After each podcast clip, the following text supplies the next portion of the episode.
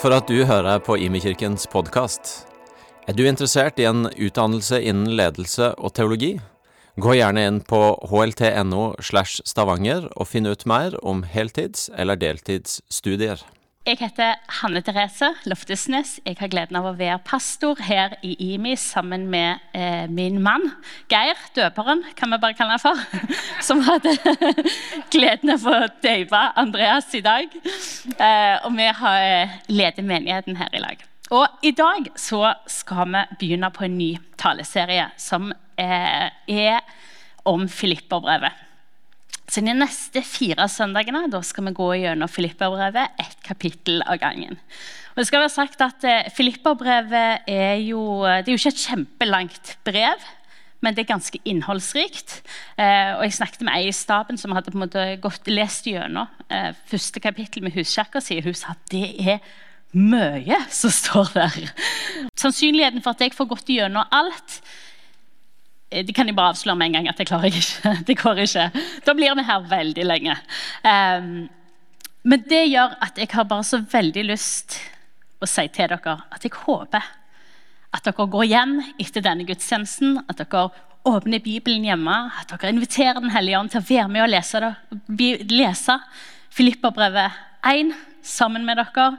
Uh, og at du kan få møte Gud der når du leser det, og se hva han gjør deg oppmerksom på når du leser teksten sjøl. Eh, hva som sitter igjen hos deg, hva som er med å forandre deg. Fordi at Guds ord er levende, og det virker kraftig. Um, så la, dette, la denne talen bli en forsmak. Litt sånn startskudd på å lese Filippa-brevet. Uh, og så vil jeg bare si også, når dere vet at det er kapittel to neste uke, kapittel tre uka etter der, kapittel fire uka, etter der, så les det i forkant. Vær liksom forberedt for det som dere skal få ta imot på gudstjenesten. Vi har lest det i forkant. Ehm, da får dere enda mer ut av det som skal gå, en skal gå gjennom. Og så får en leve i teksten på en helt annen måte. Så der er de utfordringene gitt. Det andre, eller tredje Jeg vet ikke hva punktet jeg har kommet til, men jeg håper dere henger med. Hvor mange av dere har sett eh, Bible Project? Ganske mange. Jeg vil bare si at Bible Project det er noen som har lagd noen fantastiske videoer som forklarer alle bøkene i Bibelen i hver sin film. Eh, noen tematisk, noe ord. Men de er skikkelig bra, de er skikkelig kult lagd, de er enkle å følge med på. Um, og de, de har lagd til Filippa-brevet. Men, men eh, sjekk de ut. De er kjempeverdt å sjekke ut. Jeg har så interesse og fascinasjon for dem. Eh, og så vil jeg også si at de finnes på norsk, så det går an å google det. Jeg vet at de ligger ute på bibel.no. Der de er oversatt til norsk. Veldig mange av dem, om ikke alle. Så eh, kanskje det òg kan være en før du skal lese Filipperbrevet når du går hjem, kan du se den Bible Project-videoen. Ja. Så Filipperbrevet. Jeg, jeg snakket med som er på staben, hun sa Eh, ja, vi leste Filipperbrevet 1 da, i eh, huskirka. Det er sykt mye, mye, der. Skal du tale om hele Filipperbrevet 1? tenkte jeg eh, ja, det er jo akkurat det. Og jeg skal tale om noen ting som Gud har vist meg i Filipperbrevet 1. Og så er det også sånn at Jeg har tillatt litt denne her sånn indre nerden min om å komme fram i dag.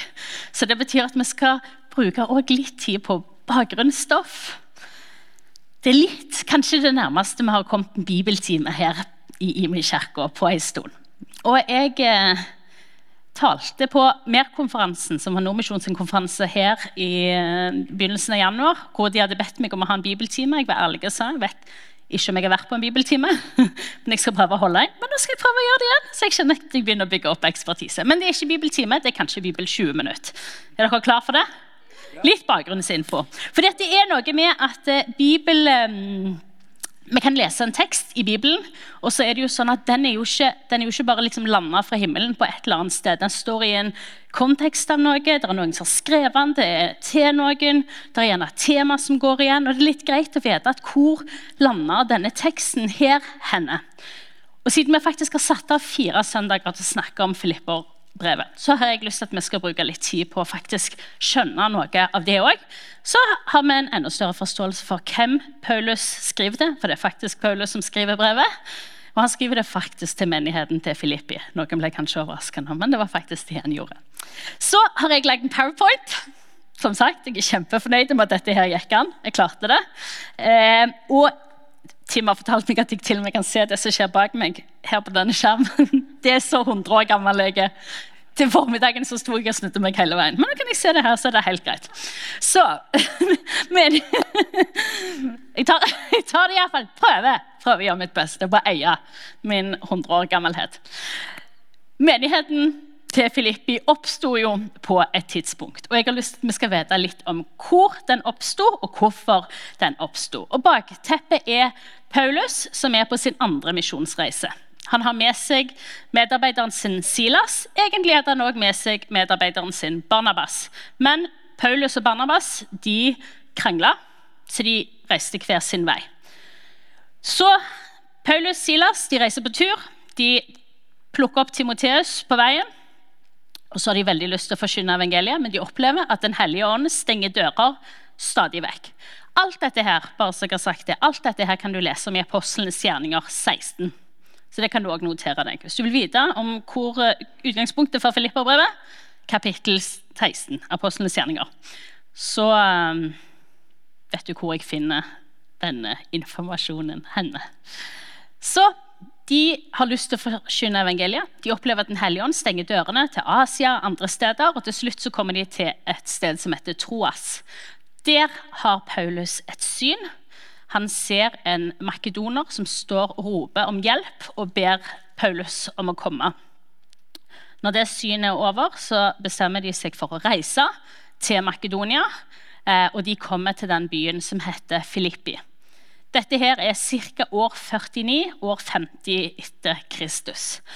Så de reiser eh, til Filippi, som er en romersk koloni. Eh, det er eh, mange pensjonerte soldater som bor i denne byen. Det er veldig få jøder, det er ingen synagoge.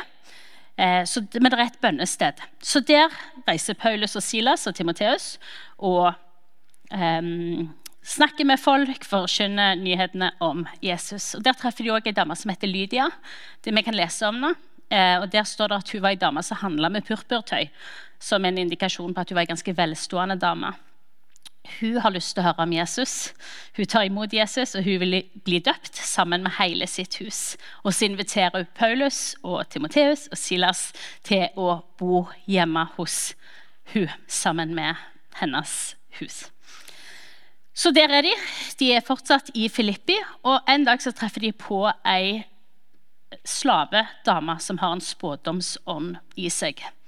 Denne dama eh, har noen som eier henne, og som tjener penger på at hun har denne spådomsånden i seg. Men um, hun uh, gjør Paulus ganske sinte, så han driver ut ånden.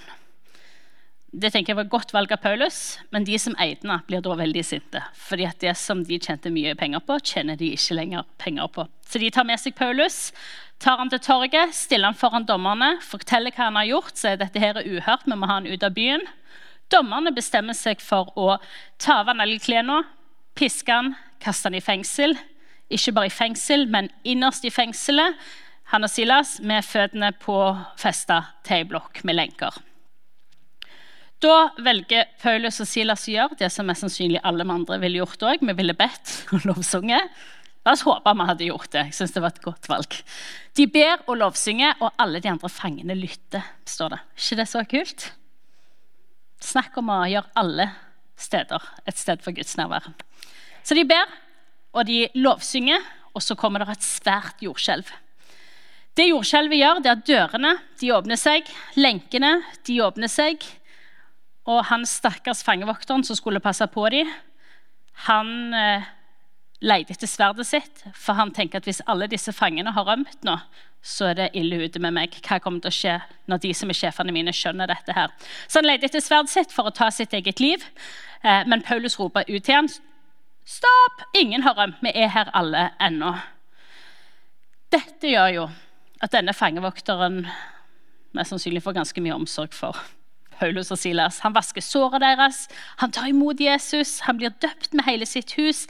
Han gir dem mat, og så blir de ført tilbake igjen til fengselet. Men de blir frigitt dagen etterpå. Eh, faktisk med en unnskyldning, fordi dette ble gjort mot romerske borgere som det ikke burde skjedd med. Etter det reiser de til Lydia sitt hus igjen, og så reiser de videre på misjonsreisen sin. Hele denne tida her i Filippi det har tatt ca. tre uker. Ikke sånn kjempelenge, men det har skjedd mye ting. som dere hører. Eh, Paulus har erfart en del motstand, litt forfølgelse. Det er òg historien til menigheten et, etter Paulus har reist òg, at de opplever både motstand og forfølgelse.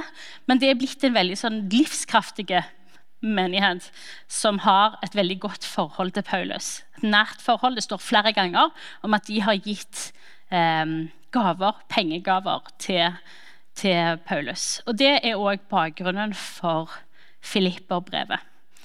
Vi leser bakgrunnen i Filipperbrevet om at det er en som heter Epafroditus, som kommer med en pengegave til Paulus mens han sitter i fengsel, mest sannsynlig i Rom. Det er mm, det som er bakgrunnen for brevet, og det er derfor Paulus sender et brev tilbake for å si takk for gaven, men òg for å si en del andre ting. Og Det er noe av det som skiller Filippa-brevet fra ganske mange av de andre brevene som det Paulus har skrevet. For Mange av eh, brevene til Paulus de er sånn, de gjerne én en enkelt idé som han bygger opp rundt, og som han vil um, fortelle. Sant? Det kan være dogmatiske ting, det kan være læremessige spørsmål. Mens Filippa-brevet det er mye, mange sånne små enkeltemner som sentreres rundt om hvem, hva Kristus betyr. Det er liksom det som er hjertet. Så er det noen som har sagt at eh, hovedtemaet i Filipperbrevet er glede. Elling sa noe om det innledningsvis. Det syns jeg jo egentlig er helt utrolig. Når han vet at bakteppet er eh, at han sitter i fengsel, og vi vet at definitivt ikke norske forhold i de fengslene som han sitter i, og så er det så tjukt oppå dette brevet, den gleden som Paulus har fått tak i. Det sier jo gjerne noe om at eh, Paulus finner glede i en del andre ting, og evner å se Gud på en del andre måter enn det det kanskje er naturlig at en gjør. Noen har kalt Filipperbrevet for 'the happiest book in the Bible'. Den gladeste boka i Bibelen. Det syns jeg òg er veldig gøyalt med tanke på at det er sånn fange, fangebrev. Uh, og de er ikke akkurat skrevet i Disneyland, men that's, that's where it's at. Så henger dere med? Ja. Yeah. Det var dagens uh, korte innføring i Filippa-brevet. Tenk hvis jeg hadde sagt feil nå. Hadde det vært litt flaut? eller? Vi skal ta en kjapp eh, outline på hvordan selve brev, eller verskapitlet Mitt kapittel, kapittel 1. Elling får ta seg av kapittel 2.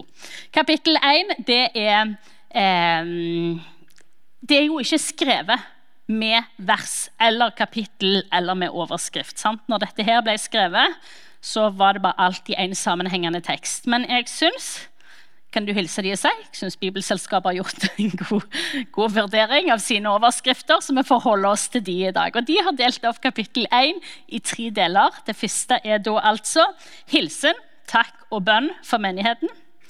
Dernest har vi eh, del to. Alt som har hendt, tjener evangeliet. Og til slutt, nummer tre, kjemp for evangeliet med Kristi sinnelag. Og så vil jeg bare være helt ærlig før vi begynner å dra i gang, at Idet jeg begynte å forberede denne, denne, teksten, så tenkte jeg del én det er ganske greit. Dette kan jeg greit formidle. Og når vi kom til del to, så tenkte jeg ok, hvordan skal jeg moderere dette? Eller hvordan skal dette passe inn for oss? Eller hvordan skal dette se ut? Fordi jeg syns at Paulus kanskje var i overkant tydelig på noen ting. Og jeg har behov for nyanser. Men um, det har ikke Paulus nødvendigvis. Iallfall ikke i kapittel 1. Og så kjente jeg vet du hva? Søren, da. La nå ikke meg få lov til å begynne å klusse til det som Paulus var skikkelig tydelig på. Så i dag eh, tenkte jeg at vi bare holder det på der. Paulus han er skikkelig enspora. Eh, og vi skal få høre hvorfor han var enspora. Vi skal se litt på hva han var enspora på i dag. Og så gjør det kanskje meg litt modigere enn det jeg ville vært hvis jeg bare skulle stått her og tenkt hva jeg syns var pent og pyntelig å si. Så er det greit? Ja, veldig bra. Ja, flott. Da kan vi begynne på vers 1-2. Det er rett og slett en hilsen. Eh, da er det en sånn liten fun fact for dere. det at navn, det, Dette ble skrevet på en rull, da, en papyrusrull, sendt videre som brev. og Da sto alltid navnene til de som sendte brevet først, for det skulle en kunne lese umiddelbart. Dette er et brev fra sånn og sånn. Så Derfor begynner vi med Paulus og Timoteus. Kristi Jesu tjenere hilser alle de hellige. Hvor mange av dere dette her henger ikke ut noen som ikke har fått det med seg, jeg skjønner at jeg er litt sånn teolog og bibelnerd på noen ting. Hvor mange har fått med seg at det har vært litt sånn debatt rundt dette her dolos-begrepet i Bibelselskapets nye nyoversettelse? Ja, der er noen der er det, Hæ? Det var på, ja, det var på G11. Derfor visste Terje det. Det har vært litt eh, diskusjon rundt eh, dette, vers, nei, dette, ordet da, som står her, som jeg har eh, skrevet i oransje. Tjenere. Fordi det står tjenere her. Det, det greske ordet dolos kan også oversettes med slaver. Eh, og det er jo eh, bare litt interessant at det er et ord som kan romme ganske mye. Det er klart Vi har veldig negative eh, assosiasjoner til et ord som slaver, men det er greit for oss å bare vite at dette her eh, rommer ganske mye. Jeg syns det er eh, interessant satt i sammen. da. Kristi Jesu tjenere. Og to ting om det. Det første er jeg tror Paulus velger denne måten å titulere seg på. For det første fordi det handler om verdighet. Kristi Jesu tjenere tjenere. Det er Gud som har utvalgt Paulus. Han sier noe om hva Gud har gjort, og hvem han er i det. Men så bruker han òg dette dolos-begrepet, tjenere eller slaver, eh, som sier noe om ydmykhet. Han stiller seg ikke over de som han sender brevet til, snarere tvert imot. Han vet hvem han har lyst til å være i møte med disse. Um, vi går videre til vers 3-8. Takk og bønn for menigheten. Her ser vi to ting som Paulus vektlegger. Det ene det handler om bønn, og det andre det handler om fellesskap. Eh, og vi kan lese innledningsvis. Jeg takker alltid min Gud når jeg tenker på dere, og alltid, i alle mine bønner, ber jeg for dere alle med glede. Nydelig måte å starte en hilsen på. Jeg ber for dere alle med glede. Det andre som han peker på litt senere, det handler om fellesskap. Det handler om å ha nærhet til noen, men det handler ikke nødvendigvis om nærhet basert på eh, kvantitet av en relasjon. Fordi Vi vet jo at eh, Paulus har først hatt tre uker i Filippi. Og så vet vi at han har vært innom på sin tredje misjonsreise. Men så vet vi òg at mest sannsynlig så dette Første gangen den traff jeg, var kanskje i år 49, og når dette brevet er skrevet, er kanskje i år 62, så det gått 13 år. Så de har møtts to ganger på 13 år. Vi vet at de hadde ingen telefon, de hadde ingen eh, FaceTime, eller de hadde ikke masse kaffeslabberaser rundt forbi. De har hatt noen utvekslinger av gaver, vet vi. Men Paulus har ikke skrevet flere enn dette ene brevet til menigheten i Filippi. Så vi vet at de har ikke hatt masse kontakt og masse dialog. Men de har allikevel en helt tydelig erfaring og forståelse av at vi hører sammen. Og Det synes jeg er utrolig viktig å få tak i, for det sier noe om at den opplevelsen av å høre sammen den er ikke knytta til eh, at vi har levd et langt liv i lag, men den er knytta til at vi hører til Jesus sammen. Vi hører til det fellesskapet i den nåden som han har gitt oss. Og Det betyr at uavhengig av alt dette som ligger rundt oss, så hører vi i lag. Og Vi ser at det er viktig for Paulus at de vet at han ber for dem, og Det ser vi i mange av Paulus sine brev. Bønn er så viktig for Paulus. Han var opptatt av mye, og han var fire og all slags, men han var utrolig opptatt av å be. Og han er opptatt av å be for de, takke for de, fordi han vet at dette er en viktig del av det å være i dette fellesskapet i lag. Og så tenker jeg at dette med fellesskap det det er en sånn gudgitt struktur, tenker jeg. At Gud har gjort det på denne måten. For det hjelper oss til å forstå at vi, vi hører til mer enn bare vårt eget lille her. Det hjelper oss til å utvide sirkelen av hvor vi hører til. Det gjør at det gir mening at vi snakker om kirka i Kambodsja, og at det er våre brødre og søstre. Selv om vi aldri har truffet dem, kanskje vi aldri vil vite hva de heter. for noe. Men det er klart vi vil være med og be for dem, støtte dem, Bruke det vi har, for å velsigne dem, fordi vi hører jo i lag. Vi har en felles far, vi har en felles frelser, og vi hører i lag. Og jeg tenker at Når vi har den forståelsen av fellesskap, så hjelper det oss også til å forstå at livet vårt er mye mer enn bare akkurat det som vi ser her, og akkurat det som vi ser rundt oss nå, men vi får høre til i en større sammenheng. Det liker jeg. Vi er ikke lenger oss sjøl nok fordi vi er større enn det. Så leser vi i vers 6, et vers som sikkert mange av oss har lest mange ganger. Der står det og jeg er trygg på at Han som begynte sin gode gjerning i dere, skal fullføre han helt til Jesu Kristi dag. Kort referanse på dette her. Jeg kan se for meg at Paulus kanskje han tenker på menigheten i Filippi når han sier dette. her. Kanskje han ser for seg synet han hadde når han var i Troas, om denne mannen fra Makedonia. Og så ser han for seg hva som har um, Eh, hva som har vokst fram fram til nå, 13 år etterpå, hvor det er en menighet som er bærekraftige, livskraftige, og som, som eh, er en støtte for Paulus' sjel. Og så kan han si Gud begynte det, og jeg er sikker på at han skal fullende det, fordi jeg ser hva dette her er for noe. Og så tenker jeg at Det er vanvittig mye hvile i det for vår del. Fordi det sier noe om at det er Gud som alltid er initiativtaker, og det er Gud som alltid er fullender. Vi får være en del av det oppdraget som Gud har gitt oss, men det hviler aldri på våre skuldre. Det er vanvittig mye nåde i og vanvittig mye hvile i. Og Derfor kan, tenker jeg at det gir, gir mening å si jeg er trygg på at han som begynte sin gode gjerning i dere, skal fullføre den. Fordi det er Gud som er initiativtaker, og det er Gud som er fullender. Men for en fest at vi kan få lov å være med på veien. Så kommer vi til vers 9-11. og Her er den veldig konkrete bønnen som Paulus ber. Og Her er en annen parentes. at I Paulus sine brev så er det vanvittig mange vakre, kraftfulle, livsforvandlende bønner. vil jeg si. Så når du leser Paulus sine brev, så leit etter dem, for de er rundt forbi og dukker opp overalt. Jeg har funnet min egen personlige favoritt. Vet ikke om det er lov å si om bibelvers, men dere hørte det her. Det står i Romerbrevet 15-13. Kan dere notere dere det òg? Mange bibelreferanser å notere seg her.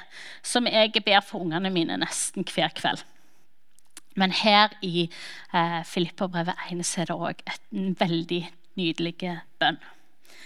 Der ber Paulus dette ber jeg om, at deres kjærlighet må bli mer og mer rik på innsikt og dømmekraft, slik at dere kan forstå og avgjøre hva som er viktig, og stå rene og uten feil på Kristi dag, fylt av rettferdsfrukt som vokser fram ved Jesus Kristus til lov og ære for Gud. På et vis tenker jeg her kunne vi slått opp teltet vårt. Her kunne vi snakket om og bedt, og bedt Gud åpenbare for oss. Og her er nok en utfordring og oppfordring. Gå hjem og gjør det. Ikke med en gang. vent ikke før ikke. Men ta med dere denne bønnen og be Gud om å gi dere ehm, åpenbaring. Be om at akkurat dette skal være bønnen for dere. For jeg elsker det som står her. Jeg elsker at når Paulus ber om kjærlighet, så er det ikke en sånn en happy-go-lucky, platonisk sukkerspinn, Valentine's Day, siden det er i sesong. Kjærlighet. Det er snakk om en dyp kjærlighet som gjør oss mer og mer rike på innsikt og dømmekraft, sånn at vi kan forstå og avgjøre hva som er viktig. Dette er en kjærlighet som er noe helt annet enn det vi er vant med, som, som, skaper noe, som skaper noe i oss, og som skaper noe rundt oss. Fordi vi leser fullt av rettferdsfrukt som vokser fram ved Jesus Kristus.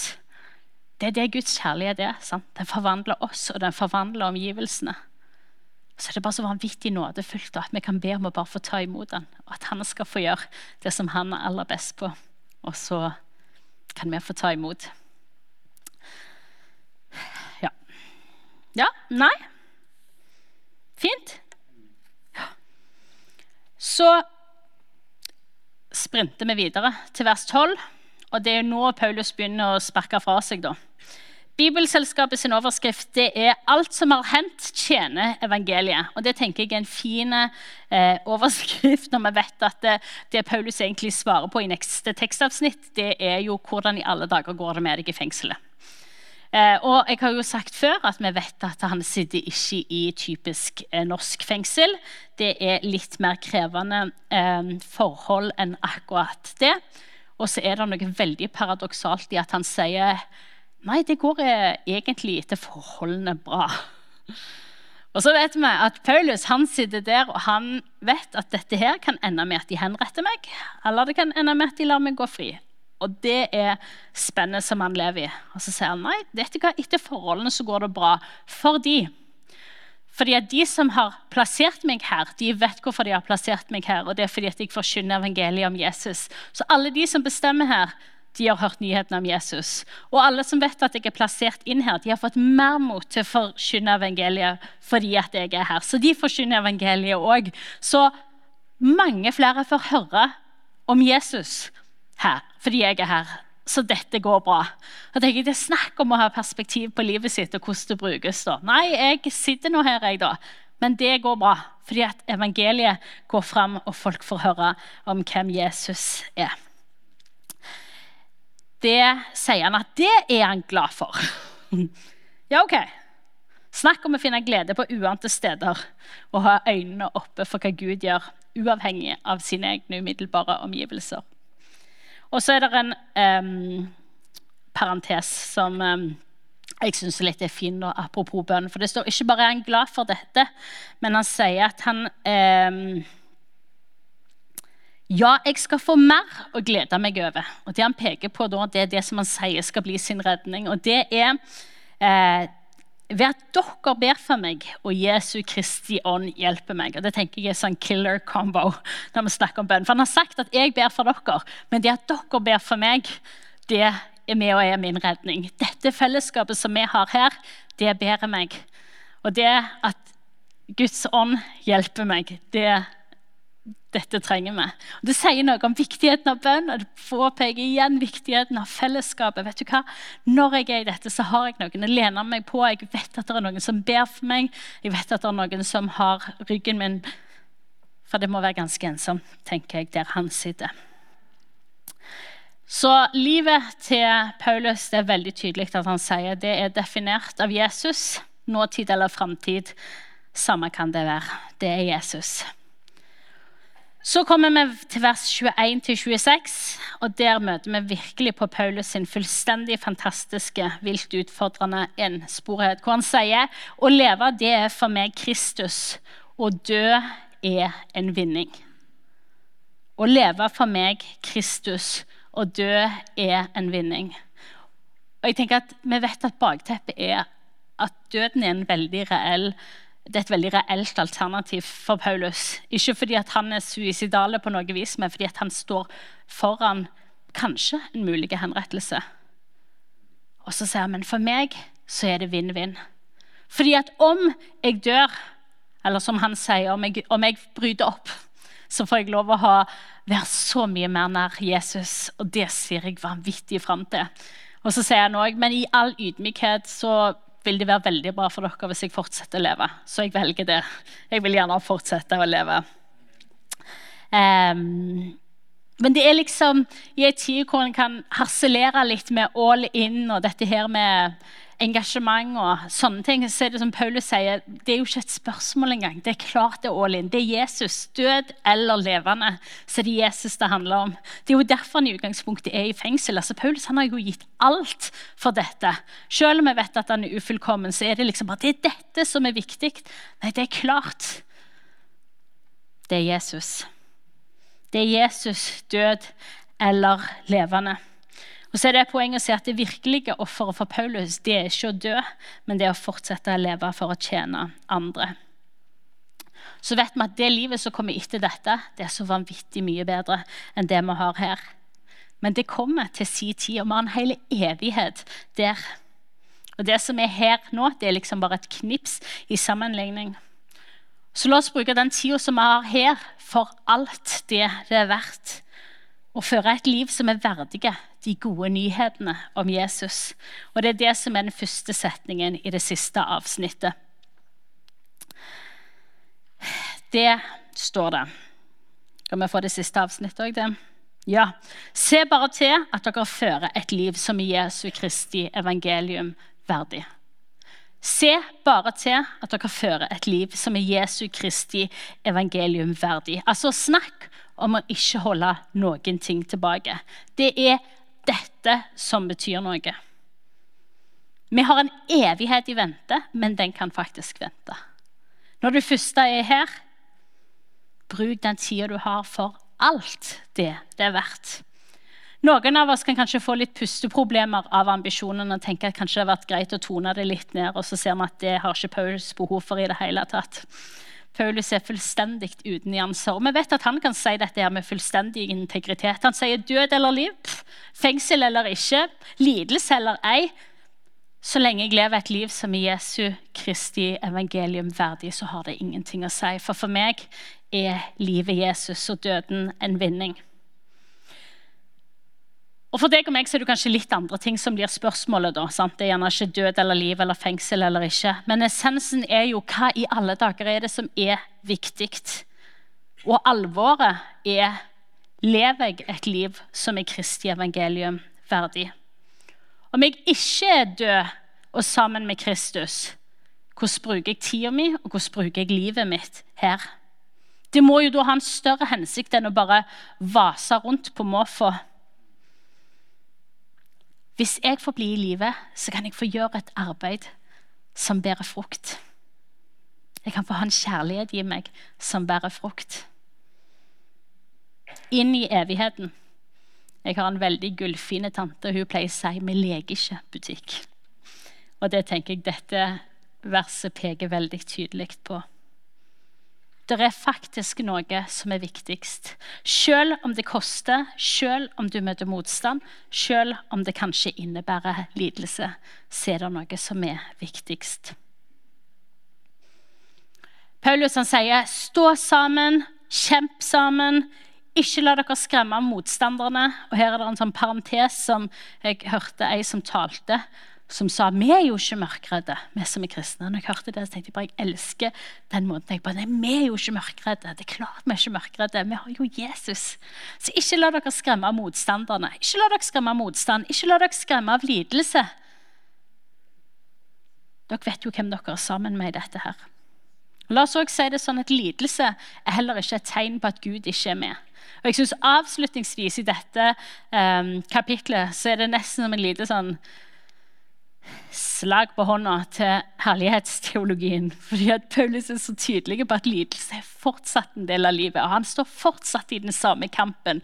Og han sier dere står òg i denne kampen. Vi skal fortsette å kjempe for dette her. Men det fortsetter vi å gjøre. Fordi vi ønsker å leve et liv som er Jesu Kristi evangelium verdig. Vi møter motstand. Vi har en annen konge. Og Det skaper tidvis både kontroverser og gnisninger langs veien. Men bli stående, da òg. Velg det som er aktivt, velg det som er viktig, og velg det aktivt. Ikke la livet bare bli det det blir. La livet ditt ha betydning. Å leve er for meg Kristus og døden en vinning. Min bønn at livet vårt måtte være sentrert rundt han. At det viktigste får være det viktigste.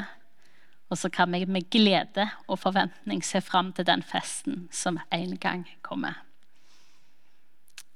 Jeg vil be. Gode Jesus, jeg takker deg for at vi kan få ha Guds ord. Levende og virkekraftig. Takker deg for at du har gitt oss ditt ord. Og jeg ber om at det skal få bli til liv for oss. Jeg ber om at du skal skape en lengsel i oss etter å lese ditt ord.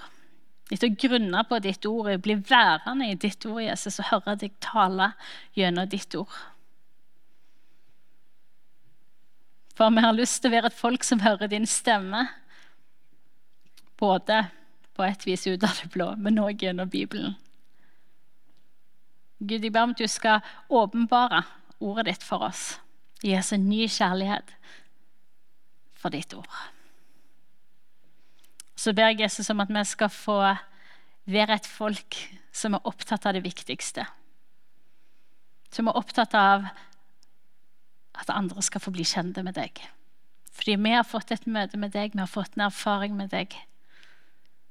Og vi har lyst til å være etterfølgere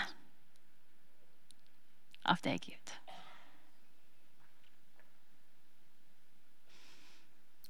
Amen.